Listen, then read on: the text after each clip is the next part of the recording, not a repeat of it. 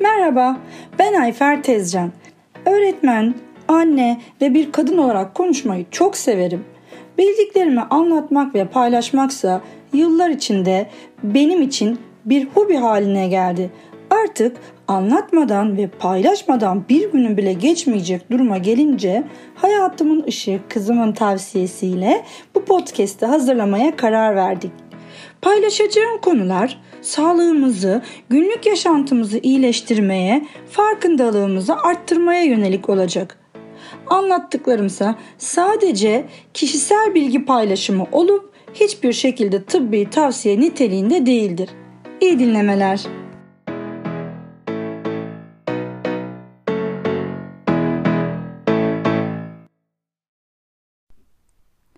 Yedinci kıta yani mikroplastik.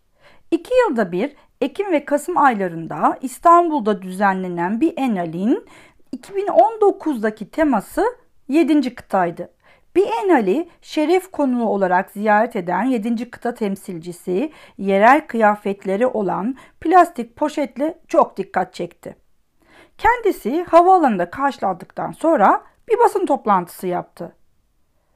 Dedi ki siz bu hızda plastik tükettikçe biz var olmayı sürdüreceğiz, büyüyeceğiz. 3,5 milyon metrekare büyüklüğündeki plastik çöplüğüne katkılarından dolayı herkese teşekkür ederken her yıl büyümeyi sürdüreceklerini de ekledi. Hayatımızın vazgeçilmez parçası haline gelen plastikler önümüzdeki 10 yılların en büyük çevre sorunu olarak karşımızda duruyor. Yaşadığımız bu yegane gezegende sınır, zaman, mekan, din, dil, ırk ayırmadan hepimiz için çok büyük tehlike oluşturuyor. Plastiğin ne olduğunu hepimiz biliyoruz değil mi? Üretiminin başlıca ham maddeleri petrol, doğalgaz, kömürdür. Alexander Peix isimli İngiliz kimyager tarafından 1856 yılında üretilmiştir. Plastik, karbon, hidrojen, oksijen, azot ve diğer organik ve inorganik elementlerin oluşturduğu monomer adı verilen basit yapıdaki moleküllerin aralarındaki bağlarının koparılıp aynı moleküllerin polimer adı verilen uzun zincirli bir yapıya dönüştürülmesiyle elde edilen malzemelere verilen genel isimdir. Şöyle açıklayayım hemen. Etilen doğal bir monomerdir. İki tane karbon atomuyla dört tane hidrojen elementinden oluşur. Etilenden oluşturulan polimer ise polietilendir. En çok kullanılan plastiklerden biridir aslında bu. Yani plastikler doğada var olmayan, insan tarafından doğadaki elementlere müdahale edilerek endüstriyel olarak üretilen bir maddedir. Genellikle petrol rafinelerinde ham petrolün işlenmesi sonucunda arta kalan o artık malzemelerden elde edilir. Yaklaşık 150 yıl önce nitroselüloz olarak keşfedilen plastikler aslında doğal plastiklerdi. Ardından yapay plastikler olarak ikinci sentetik olan fenol, formaldehit yapılı plastikler üretildi. E bugün kullandıklarımız da bunlar aslında. Genelde kullandığımız 7 çeşit plastik ve onların kodları var. Polietilen tereftalat, PET veya PT veya PE kısaltılmışı. E, yüksek yoğunluklu polietilen HDPE, düşük yoğunluklu polietilen LPDE, polivinil klorür PVC çok tanıdık değil mi?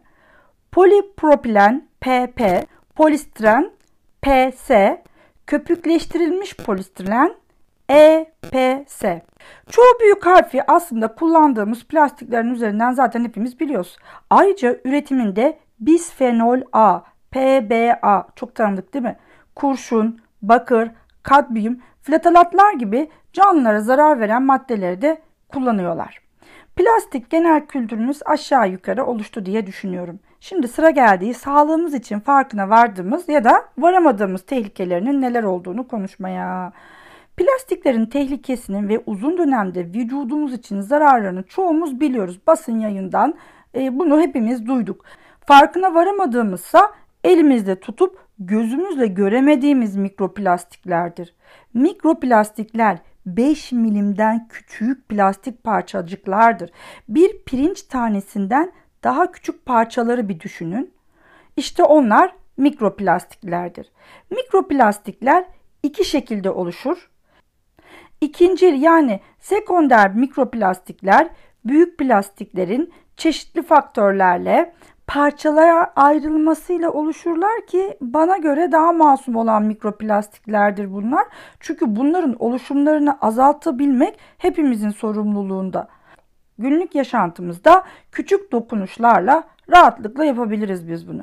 Hayatımıza daha az tek kullanımlık olan kullan at denilen plastik ürünleri sokabiliriz. E, biyo bozulumlu plastik kullanmaya özen gösterebiliriz. Geri dönüşüm için gerekli düzenlemeleri yapacak özveriyi gösterir, sekonder mikroplastik oluşumunu azaltabiliriz. Ufak dokunuşlarla başlayıp yaşam şeklimiz haline getirmeliyiz. Aslında getirmek zorundayız da. Yani bireysel olarak plastik ayak izimizi azaltmak için hemen bir şeyler yapmaya başlamalıyız. Sorumluluğumuz çocuklarımız için ayrıca dünya üzerinde kendimizin dışında yaşayan tüm canlılar için çok büyük.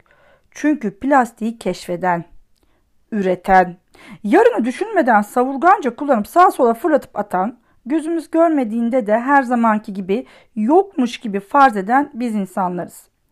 Yoksa 7. kıta tüm dünya üzerinde hızla yayılıp canlılara özellikle denizlerdeki canlılara yaşam alanı bırakmayacak. Bir de birincil yani primer mikroplastikler vardır ki en sinsi olanları budur bence. Çünkü aynı plastiklerin oluşumu gibi insan eliyle üretilen mikroplastiklerdir. Bunlara mikroboncuklar da denir. Kozmetik ve ilaç endüstrisi için üretilirler. Evet doğru duydunuz. Şampuanlar, diş macunları, duş jelleri, vücut peeling ürünleri, dudak parlatıcıları, göz kalemleri, rimellerimiz, deodorantlar, güneş kremleri ve bazı ilaçların yapımı için kullanılırlar. Bu ürünlerin kullanımıyla da doğrudan kanalizasyona, oradan akan sulara, oradan da denizlere taşınırlar. Normal arıtma sistemleriyle mikroplastiklerin süzülmesi mümkün değildir. Ancak ileri arıtma sistemine sahip tesislerde mikroboncuklar tutulabilir.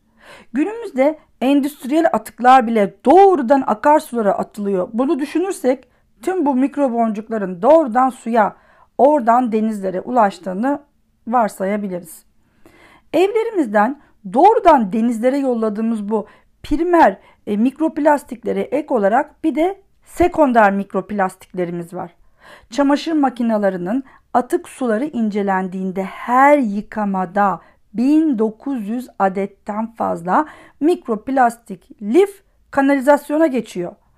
Kıyafetlerin %60'ının da artık sentetik dediğimiz plastik türevi maddelerden üretildiğini düşünürsek her yıkamada sıkma ve sürtünme sırasında kopan mikro parçalar denizlerimizdeki kirliliğe güzelce katkıda bulunuyor. Ne yapacağız?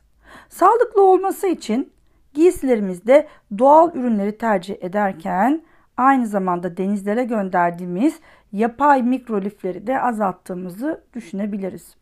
Araba lastiklerinin yollarda sürtünmesiyle oluşan parçalanmayla da mikroplastikler oluşuyor. Bunu daha önce düşünen kaç kişiyiz? Dünya üzerindeki taşıt sayısını düşünürsek artık sadece egzoz emisyonunun değil doğaya saldığımız mikroplastikleri de düşünmeye başlamanın vakti geldi. Peki tarımda kullanılan plastik sulama sistemlerinin zamanla aşınmasıyla oluşan mikroplastiklerin doğrudan toprağa, oradan yeraltı sularıyla denizlere taşınması aklımıza gelir mi?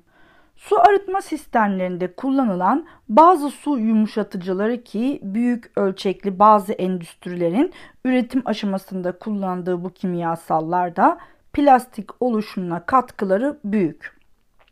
Okyanuslardaki mikroplastiklerin e, yaklaşık %20'sinin denizlere doğrudan döküldüğü, %80'in ise atık boşaltma, çöpler ve kanalizasyon gibi karalardan kaynaklandığı biliniyor. Ortalama yılda 8 milyon ton plastik okyanuslara gidiyor. Türkiye'nin katkısı yaklaşık 50 bin ton kadar. İster doğrudan doğruya atalım, ister karasal yollarla taşınsın, ister makroplastik, ister mikroplastik olarak atılsın. İster birincil mikroplastik, ister ikinci mikroplastik olsun. Sonuçta denizlerimizi ve okyanuslarımızı geri dönüşümsüz bir şekilde son hızda kirletiyoruz.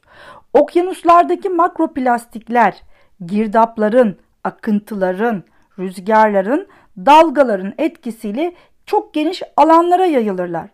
Uygun akıntı noktası bulduklarında da üst üste yığılarak plastik adaları oluştururlar. E, biyolojik olarak polietilenin 20 yılda, pet şişenin de 450 yılda parçalandığını düşünürsek eğer parçalanmaya zaman bırakmadan da yenilerini ekliyorsak ki şüphesiz ekliyoruz. Bu plastik adaları son hızda büyüyüp kıtalar oluşturacak. Temsilcileri de bizleri ziyarete gelip e tabii ki teşekkürlerini sunacak. Biennale'de çok güzel bir reklamla bu hepimize ironik olarak anlatıldı. Makroplastikler kaplumbağalar, büyük deniz canlıları ve kuşlar tarafından yiyecek olarak tüketiliyor. Mideleri dolan canlılar da doyduklarını sanıyor ama kısa bir süre içinde mideleri plastikle dolu olarak açlıktan ölüyorlar. İtalya'da Nisan 2019'da kıyıya vuran ölmüş balinanın midesinden tam 29 kilo atık makroplastik çıktı. Mikroplastikler de canlılar tarafından sudan süzülerek alınıyor. Bazı canlılar bunları sindirim sistemleriyle az çok atmayı başarıyor. Ama denizlerdeki suyu süzüp içindeki planktonlar yani mikro canlılarla beslenenlerin sisteminde olduğu gibi kalıyor. Midyeler mesela, deniz anaları, kabuklu deniz canlıları, bazı balina türleri. Midye dolmaları yarasın. Afiyet olsun. Bunları tüketmiyorsak da sorun yok diyebiliyor muyuz? Tabii ki hayır. Çünkü biz ellerimizle denizlerdeki besin zincirine sürekli plastik madde ekliyoruz. Eninde sonunda da besin zincirine eklediğimiz bu plastikler besin zincirinin en tepesinde yer alan biz insanların sofrasına ulaşıyor. Her gün aksatmadan düzenli bir rutin olarak yaptığımız bu eylemin sonuçlarının ne kadar kalıcı ve ölümcül olabileceğini maalesef düşünmüyoruz. Düzenli olarak mikroplastikleri yiyoruz, içiyoruz, soluyoruz. Hayal etmesi çok güç ama Antarktika'daki yapılan çalışmalarda havada mikroplastik partiküllerine rastlandı. Donmuş buzul sularında hatırı sayılır miktarda mikroplastik bulundu. Vücudumuzun bunları tanıyıp parçalayıp sistemden dışarı atacak mekanizması yok. Atabildiğimizi sindirim sistemiyle atıp kanalları da bedenimizde depoluyoruz. Evet sorusu olan çok karamsar bir tablo çizdim. Yok özür falan dilemiyorum ve daha da ekliyorum. Son birkaç yılda farklı ülkelerde yapılan çalışmalarda midye ve balık dışında tuz, şeker, bal, maden suyu, bira gibi besinlerde de mikroplastiklere rastlandı. Deniz tuzu tüketmem derseniz kaya tuzu ve tuz göllerinden elde edilen tuzlarda da mikroplastik bulunduğunu bilin. Türkiye'de yapılan bir çalışmada market raflarındaki tuzlarda deniz tuzunda kilogramda 16-84 parça, göl tuzunda kilogramda 8 ile 102 parça arası, kaya tuzunda da kilogramda 9 ila 16 parça kadar mikroplastik bulunmuştur. Eskiden dalgaların sahile vurduğu kıyı çizgisinden deniz kabuğu toplarken artık plastik materyal topluyoruz. Deniz suyundaki mikroplastikler fiber, polyester ve naylon. Balıklarda en çok rastlanan mikroplastikler çamaşır makinesinden geldiği düşünülen mikrofiberlerdir.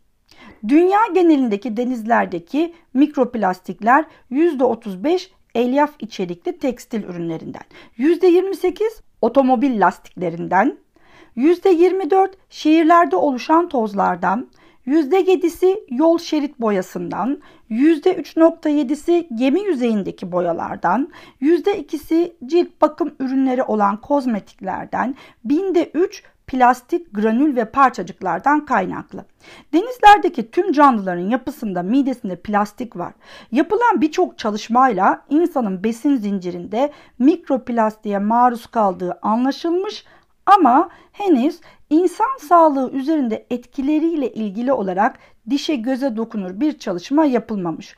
Avusturya'da Viyana Tıp Üniversitesi'nde farklı ülkelerden 8 denekle yapılan çalışmalarda bu kişilerin dışkılarında mikroplastik bulunmuş.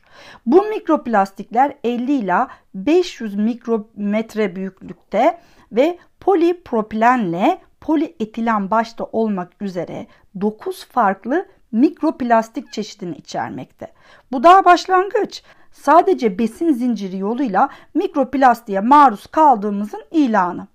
İnsan vücudunda nasıl sorunlar oluşturduğunun anlatılacağı yayınları merakla bekliyorum. Yaşadığımız çağ plastik çağı oldu. Plastik keşfinden bu yana altın çağını yaşıyor zaten.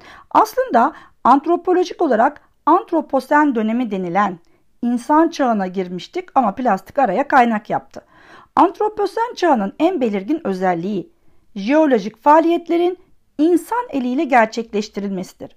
Bu çağın küresel ısınma dışındaki en önemli sorunu plastik sorunudur. Okyanuslarda oluşan plastik adacıkları sürekli büyüyor. Pasifik okyanusunda 3,5 milyon metrekare büyüklüğündeki 7 milyon ton ağırlığında bir kıtamız var. Yaklaşık 5 Türkiye büyüklüğünde yüzen plastik bir ada düşünün. Korkunç değil mi? Bir de bunlardan bu kadar büyük olmamakla beraber 4 tane daha var. Yani okyanuslarda toplam 5 tane plastik çöp adamız var. Tamam günlük yaşantımızda görmüyoruz ve doğrudan olumsuz etkilerini hissetmiyoruz ama yıllar içinde vücudumuzda yapacağı tahribatı e şimdiden hesaplamaya başlamak lazım. Son yıllarda adını bile daha önce duymadığımız birçok hastalık çeşidi çıktı. Var olanların da görülme sıklığı insanlarda başlama yaşı giderek küçüldü. Artık denizdeki ve karadaki canlılar için değilse bile kendimiz ve gelecekteki nesillerin sağlığı için bir yerlerden başlamalıyız, başlamak zorundayız. Plastikle en az birlikteliğinizin olacağı bir yaşam diliyorum. Sağlıkla kalın, sağlık aşkına.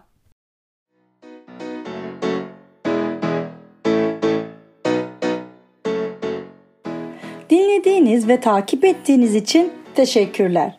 Güncel ve pratik bilgiler için dinlemede ve takipte kalınız.